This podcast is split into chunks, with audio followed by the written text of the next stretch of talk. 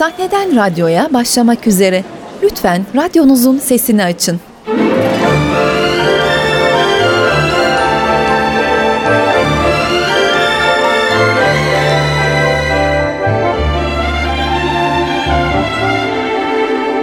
Sahneden radyoya.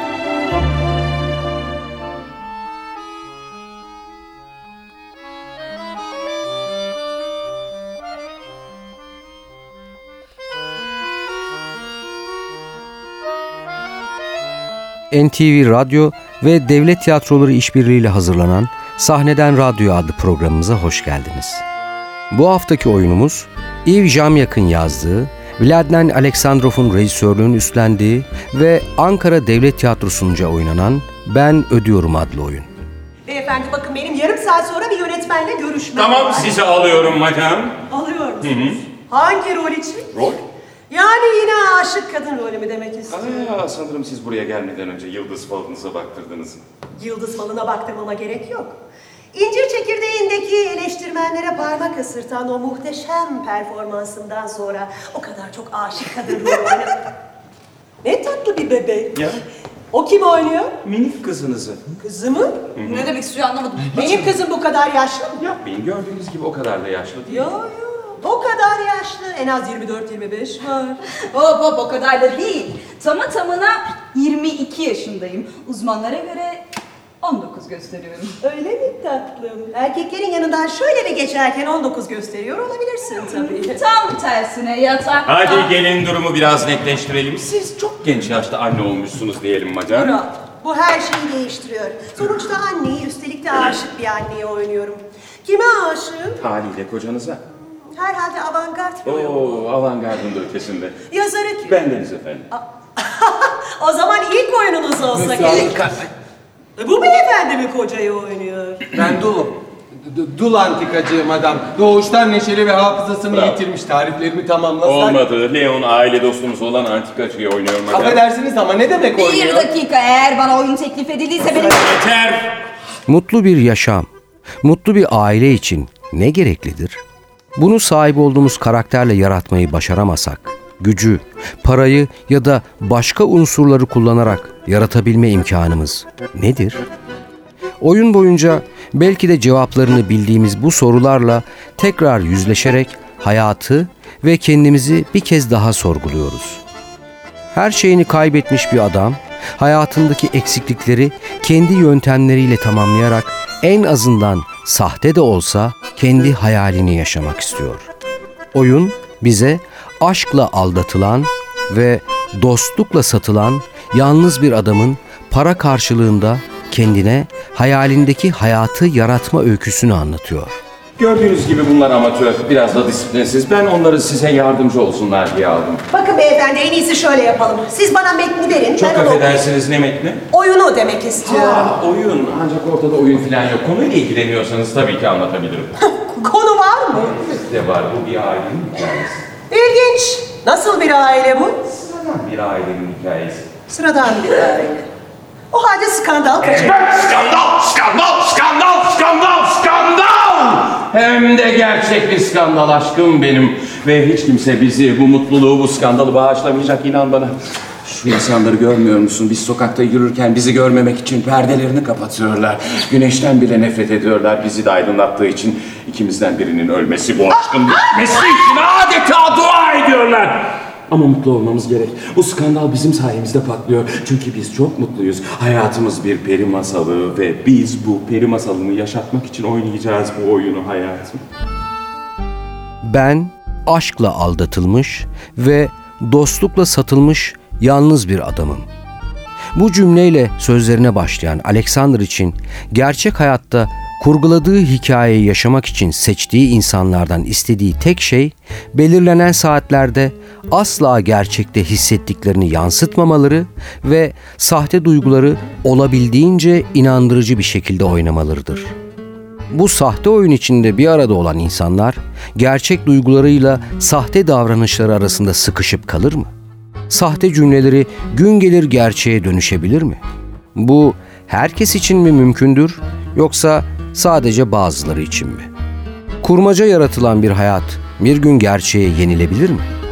Evet, bu soruların cevaplarını izleyeceğiniz ve günümüzde her bireyin günün birinde yalnızlığa mahkum oluşunu ve bunu kabullenişini göreceğiniz bir oyun. Ben ödüyorum. Enteresan. Kocanızın repliklerinden kısa bir alıntı. Yo yo kısa değil. Bence yeterince işlenmiş bir replik. Sonuç olarak koca. Bendeniz efendim. Demek ki siz de oynuyorsunuz. Yönetmenin isteği bu. Yönetmen kim? Ben Oyun nerede sahnelenecek? burada. Şaka yapıyorsunuz herhalde seyirci. Ben. Ben size bu oyunda başarılar diliyorum. Pekala. Ayda net 50 bin maaş. Ayda net 50 bin. Pekala bayanlar baylar. Madem ki karşılıklı itiraf çalışmasına geldik. O halde sizlere kendimi tanıtayım. Ben Alexandra Milkar. Oyunun kahramanı Alexander, bir masaya ne için toplandığını bilmeyen üç kişiye karşı ben aşkta aldatılmış ve dostlukta satılmış bir adamım der. Ve devam eder hayalinde kurduğu aileyi satın almak için sözlerine. Haftada 50 bin. Mesai saati akşam 8'de başlar, sabah 9'da son bulur. Yapmanız gereken tek şey bu oyunu benim istediğim gibi oynamanız. Çünkü bunun bedeli neyse ben ödüyorum. Ve bu oyunun tek bir kuralı var. Mesai saatleri içinde asla gerçekte hissettiğinizi yansıtmamak. Tek kelimeyle aldatılmış bir adam duruyor karşınızda. Aşkta aldatılmış, dostlukta satılmış, tek kelimeyle boynuzlanmış bir adam. Hayatımın kadını beni Paris'in yarısıyla kadın erkeklemeden 15 yıl boyunca aldattı. 15 yıl boyunca sevdiğim kadının duygularını ekmek alır gibi gazete satın alır gibi satın almaya kalktım. Fark şu ki ekmek ve gazete satın alırken tam olarak ne aldığımı ben gayet iyi biliyordum. Ama bu kadının duygularını satın almaya kalktığımda ne aldığımı hiçbir zaman bilemedim ve 15 yıl boyunca sustum. Susmamak lazım. Bir keresinde benim... Ancak şu anda ne aldığımı gayet iyi biliyorum. Her şeyi ben ödüyorum. Oyunun kuralı bu. Aptal yerine konmamak. Ben yine de size bu oyunda başarılar diliyorum. Az evvel de söylediğim gibi ayda net 50 bin maaş ayrıca kira sözleşmesi de düzenlenecek madem. Siz ne kiralamak istiyorsunuz? Hayatta bana ısrarla reddedileni. Bir kadının aşkını, genç bir kızın saygısını ve antika Leon'un dostluğunu. Kısaca çalışır vaziyette bir aile Bir paketi. dakika siz demek istiyorsunuz ki... Ben de manyaklar Bu gördüm. bir şaka değil mi? Gerçeğin ta kendisi gördüğünüz gibi mührü de var. Yani siz umut Yo ediyorsunuz yo yo ki... yo ben umut etmiyorum. Ben ödüyorum. Tıpkı tiyatroda kendime satın aldığım koltuk gibi. Eğer gösteri güzelse bu hayranlık duymama engel olmuyor. Keyifle kendime satın aldığım aldatmacayı izliyorum. İzliyorum Sizin burada takılmanız gereken nokta aldatmaca değil, satın aldım. Bugün kendime bir tiyatro koltuğu satın almaya karar verdim. Tiyatro Ve koltuğu satın gösteri almak- çok daha fazla uzun süreceğinden ödemeyi ona göre yapıyorum. Paranın karşı konulamaz cazibesi karşısında birbirini tanımayan üç kişi kabul ederler bu sahte aile olma teklifini. İşsiz ve tanınmayan bir ressam dostunu, profesyonel bir aktrist eşini, bir sokak fahişesi olan genç kız da kahramanımızın hukuk fakültesinde okuyan kızını oynayacaktır bu oyunda. Başlarda bocalamaları olan basit bir oyun gibi başlayan bu hikaye zamanla Alexander'ın içindeki derin acılara, parayla satın alınmak istenen duyguların hem her an gerçeğe dönüşebileceğini hem de asla tam anlamıyla gerçek duygular gibi tat veremeyeceğini anlatmaya başlıyor.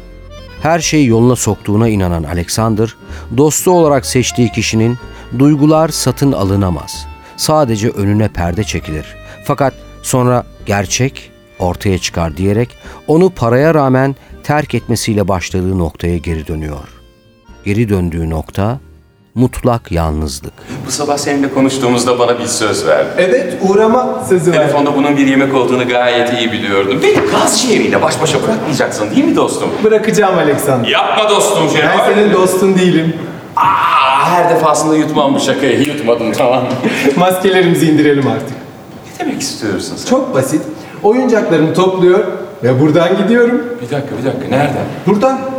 Sen benimle dalga mı geçiyorsun? Aa hayır. Ben asla nankör değilim. Benim için yaptıklarını unutmuyorum.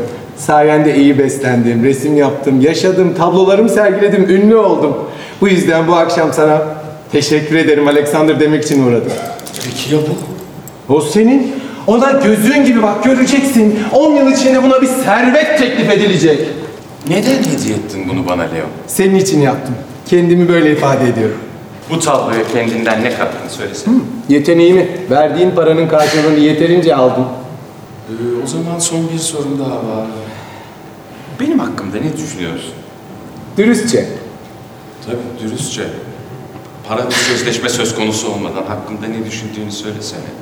Dürüstçe. Hiçbir şey düşünmüyorum Alexander. Dinle Alexander.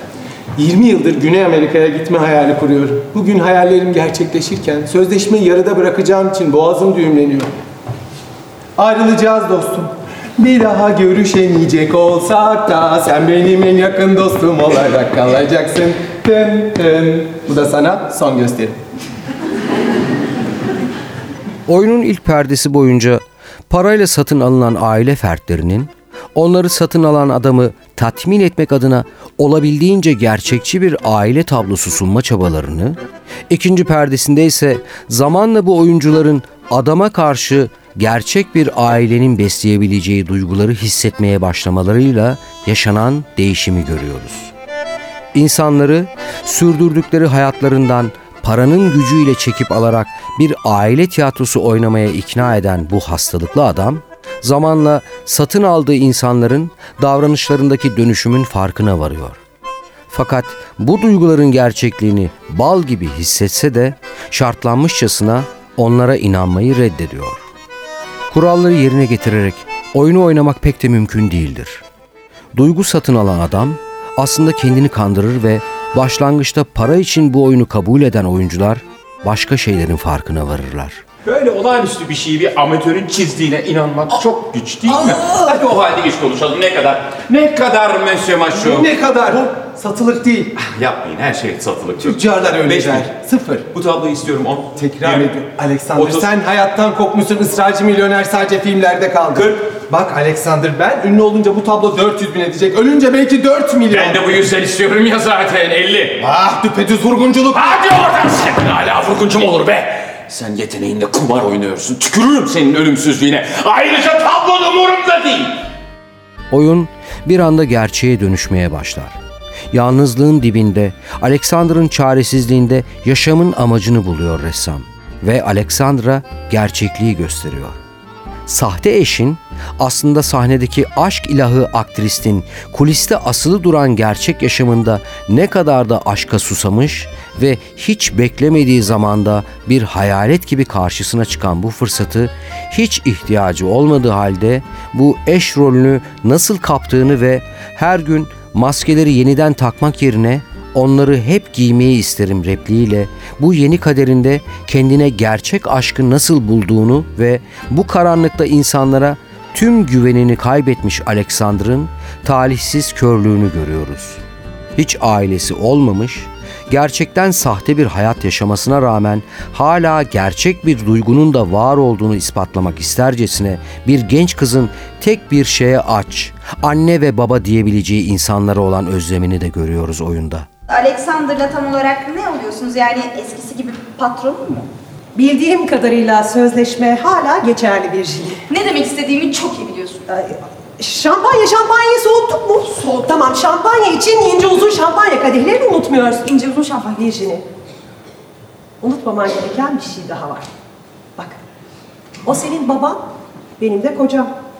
O derece ki şahsen ben rolümün maskesini her gün yeniden takmaktansa hiç çıkarmamayı tercih ediyorum. Peki bunu ona söyledin mi? Meleklerim neden şu kapıda karşılanmıyorum? Kaç defa söyleyeceğim bunu sen? Aa, affedersin hayatım. İyi akşamlar. İyi akşamlar. Hazırlık ha? Hı hı. Şu bizim Aylas nerede oturacak? Aa, burada oturacak. Hmm, ona bir hediye aldım. Resim fırçası şeklinde altın bir kravat iğnesi. Sence içinde barındırdığın simgeyi anlayacak mı ufaklık? Her şey hazır mı? Her şey tamam. Dahiye sandalyeye oturmak kalıyor sadece. Şampanyalar soğutuldu mu? Şampanyalar da tamam. Harika. Bugün bizim dahinin zaferini kutlayacağız. Çok mutluyuz. Ama çok, benim çok, çok, gidip çok. kaz ciğerini hazırlamam lazım. Harikasın hayatım. Ben Ödüyorum'un yazarı Yves Jamyak'ın sıra dışı metni, kapitalizmi, satın alma gücünün duygulara egemen olmaya çalışmasını, modern dünyada insanın yalnızlığını, romantizmi, bireyin marazi yanlarını, aşkın kutsallığını ve sevginin gücünü ele aldığı oyunda romantik müzikli komedilerden vodvillere, absürt oyunlardan gerçekçi oyunlara kadar farklı üsluplardan bir bileşke hazırlayarak hatta hepsiyle ironik bir hesaplaşma içine girerek kuruyor oyunun dramatik matematiğini. Biz Oh. Virginie. Hukuku terk etmiş. Olmaz öyle şey. Evet tatlım Virginie hukuku terk etmiş. Terk edemez hayatım. Aa, Virginie hukuku terk etmiş ama sana ayak masajı yapacak. Lütfen bunu istemiyorum. Yapmayın. Ben kadın onuruna saygılıyım. Yapmayın şunu. Şunu bana iyice anlat. Pekala anlatayım. Bu sabah Virginie ile aramızda bir konuşma geçti ve o gazeteci olmak istiyor. Sevgili Eleonora, yeteneğinizin ve kıymetinizin farkındayım ancak ben kızımın hukuk okumasına karar verdiysem benim kızım hukuk okur. Anlayın şunu, yazar benim. Neyin yazarı? Durumun yazarı. Durumlar değiştirilmek için yaratılır. Ah, işte bu durumların nasıl değiştirileceğine de ben karar veririm ancak. Ben istiyorum ki evimin sahibi olarak kalayım. Durumun kontrolü bende olsun. Sevgili yazar! Öyleyse için kendinize bir kukla tutmadınız? Oyunun yönetmeni Vladlen Aleksandrov, iyi kurulmuş bir saat gibi tıkır tıkır işleyen bir oyun yaratmış. İlk dakikasından son anına kadar iyi hesaplanmış sahnelerle yalnızlığı, yanılsamaları, aramayı, bulmayı, bulduğunu zannetmeyi ve kaybetmeyi anlatıyor. Dekor ve giysileri hazırlayan Elena Ivanova, bu başarılı yönetmenliği iyi tamamlayan bir sahne tasarımıyla çıkıyor karşımıza. Tek bir dekorla yeri geldiğinde çok kaotik bir öyküye fon olmayı, yeri geldiğinde de çok neşeli bir sahneyi tamamlamayı iyi başaran bir platform tasarlamış. Osman Uzgören de ışık çalışmasıyla dekor üstünde duygu geçişlerindeki dinamizmiyle izleyicilere hikaye ve sahnenin bütünlüğünü çok iyi yansıtmış. Sözleşme yok artık. Ah, var. Yok. Bak, sözleşme yok. Mecburiyet yok. Yalan yok, oyun yok. Oynamamızı gerektirecek hiçbir şey yok artık. Geriye tek bir şey kalıyor. Yaşamak. Sen ve ben. Yeter ki iste. Bak, ben seni seviyorum Alexander. Eleonora, biliyor musun ben senin sesini ilk kez duyuyorum. İlk kez. Belki de ilk kez dinliyorsun. Hı? Sana inanıyorum. Tek bir kelime ve her şey ne kadar netleşiyor. Bak inanıyorum. Demek ki ben varım. Aa, az kalsın unutuyordum. Ücretiniz gerekli yerlere beyan edildi mi hala?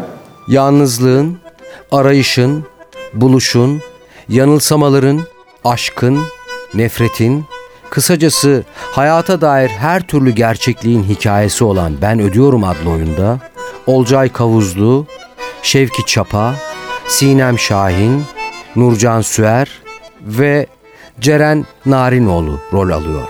Kulaklarınızı iyi açın Monsieur. Şimdi söyleyeceklerim belki size klişe gelecek ama hissettiklerimi anlatmanın başka yolu yok. Bakın seviyorum sizi Alexander. Ve inanın bana Monsieur sizi sevmek çok çok büyük bir çaba gerektiriyor. Ben Ödüyorum'un yazarı Yves Jamyak, 30 Ocak 1918 tarihinde Paris'te doğdu. Ailesinin sanata olan yoğun ilgisiyle çok küçük yaşlardan itibaren iyi bir tiyatro izleyicisi oldu. Üniversitede Yunan ve Latin edebiyatı ile birlikte tarih okudu. Aynı zamanda tiyatro çalışmaları da yapmak istedi. Ancak İkinci Dünya Savaşı'nın koşulları altında bu pek de mümkün olamazdı. Orduya katıldı ve cepheye gitti. Almanya'da bir esir kampında 5 yıl kadar kaldı. Esaret yıllarında oyun yazmaya başladı. İlk oyununu orada tamamladı. Savaş sonrasında arkadaşlarıyla bir kumpanya kurdu. Önceleri uyarlama, daha sonra özgün eserlerle şanslarını Paris tiyatrolarında denediler. Yves Jamyak hem yazar hem oyuncu olarak tanınınca Jean Tardio'nun davetiyle Fransız radyosu için metinler ve radyo tiyatroları yazmaya başladı. Tiyatro ve radyo için yazdığı oyunların yanı sıra kendi eserlerini televizyona uyarlayarak beyaz cam içinde eserler üretti. Romanlar ve sinema için senaryolar yazdı. Pierre Lafeur takma ismini kullanarak cinayet romanları kaleme aldı. Yazıyla geçen yoğun döneminde bile oyunculuk tutkusundan asla vazgeçmedi ve hem tiyatroda hem de sinemada oyuncu olarak yer almaya devam etti. Bu üretken yazar uzun süre Fransız Yazarlar Birliği'nin başkanlığını da yaptı. Yazar, yönetmen, oyuncu ve dramaturg olarak sürekli üreten Yves Jamyak, geçirdiği uzun bir hastalık döneminden sonra 1987 yılında Saint Paul de Vence'de hayata gözlerini yumdu. Eli sizden o kadar çok bahsetti ki metro istasyonunda bile görsem sizi tanırdım. Eli kim? Eleonora. Ne o? Aydan düşmüş gibi bir haliniz var. Ben Mele. Annesiyim. Bir dakika bir dakika. Yoksa siz ona Lyon'dan annesi olduğunuzu mu söylüyorsunuz? Yoksa başka bir annesini daha mı tanıyorsunuz? Yağmur yokken şu şemsiyeyi hangi akla hizmet alırsınız? Bir türlü anlama. Lütfen, verin. Verin. Şunu. Verin. Ee, Eleonora nerede? Mutfakta. Ne? Akşam yemeğini hazırlıyor. Akşam yemeği. Git Alexander'ı karşıla. Bundan çok mutlu olur dedi. Mutlu oldunuz mu? Hem de nasıl? Bana anne deyin. Ee, benim bir annem var madem. Hadi oturun da birbirimizi daha yakın. Ayakta gayet iyiyim madem. Oturun. Ayakta iyi. Oturun! Oyunun yönetmeni Vladan Aleksandrov, 1959 yılında Bulgaristan'ın Asenograd şehrinde doğdu. Eğitimini 1983'te Sofya Yüksek Tiyatro Sanatı Enstitüsü'nün tiyatro yönetmenliği bölümünde tanınmış Bulgar rejisörleri Ivan Dobçey ve Mladen Kselov'un sınıfında tamamladı. Sofya'da bulunan çeşitli tiyatrolarda görev aldıktan sonra Bulgaristan'ın hemen hemen tüm tiyatrolarında oyunlar sahneledi. Bunun yanı sıra Makedonya Üsküp, İştip ve Usturumca'da, Sırbistan Pirot'ta, Romanya'da ve Türkiye'de pek çok oyunda yönetmen olarak çalıştı. Önemli sahne çalışmaları arasında William Shakespeare'in Bir Yaz Dönümü Gecesi Rüyası, Yanlışlıklar Komedyası, Fırtına, Beğendiğiniz gibi, Peter Shaffer'ın Yonadav, Anton Çehov Vişne Bahçesi, Arthur Schnitzler'in Rondo, Arthur Miller'ın Son Amerikalı, Euripides ve Heinrich Müller'in Medea, Nikolay Gogol'ün Evlilik ve Karel Çapek'in Eşkıya adlı oyunları yer almaktadır. Bugüne dek 80'in üzerinde oyun sahneye koyan Aleksandrov, bazı çalışmalarıyla Bulgaristan'da ve Bulgaristan dışında çeşitli tiyatro festivallerine katılarak pek çok ödül kazandı. Vladlen Aleksandrov, sahneye koyduğu oyunların dışında 1998 yılından başlayarak 2012 yılına kadar Bulgaristan'ın önde gelen sanat kurumlarından olan Pazarcık Konstantin Velchkov Drama Tiyatrosu'nun müdürü ve sanat yönetmeni olarak görev aldı. Halen Pazarcık'ta düzenlenen Sonbahar Tiyatro Görüşmeleri Festivali'nin kurucusu ve başkanı olarak çalışmaktadır. Yeter! Sizin saçmalamanız komik olduğu ölçüde ilgilendiriyordu beni ama siz... Siz iğrenç birisiniz, sizden nefret ediyorum. Bunu sözleşme bağlamında söylediniz herhalde. Hayır, bu ücretsiz ödeyen beyefendi. Adi. Pekala bayanlar baylar. İlk oyunumuz yarın saat 18'de. Hayatım yarın saat 18'e kadar eve dönmezsem lütfen anahtarı kapıcıdan al. Matmazel geri çarkerin. Şimdi sırası değil. Ve önemli bir uyarı. Oyun boyunca lütfen cep telefonlarınız kapalı olsun. Bataryasını bile çıkartırım efendim. Merci monsieur. Au revoir tatlım. Sevgili dinleyenler, bu haftaki Sahneden Radyo programımızın sonuna geldik. Haftaya yeni bir programda buluşmak üzere, hoşçakalın. Oyunun tamamını devlet tiyatroları sahnelerinde görebilirsiniz. Ayrıntılar için devtiyatro.gov.tr adresini takip edin. Sahneden radyoya.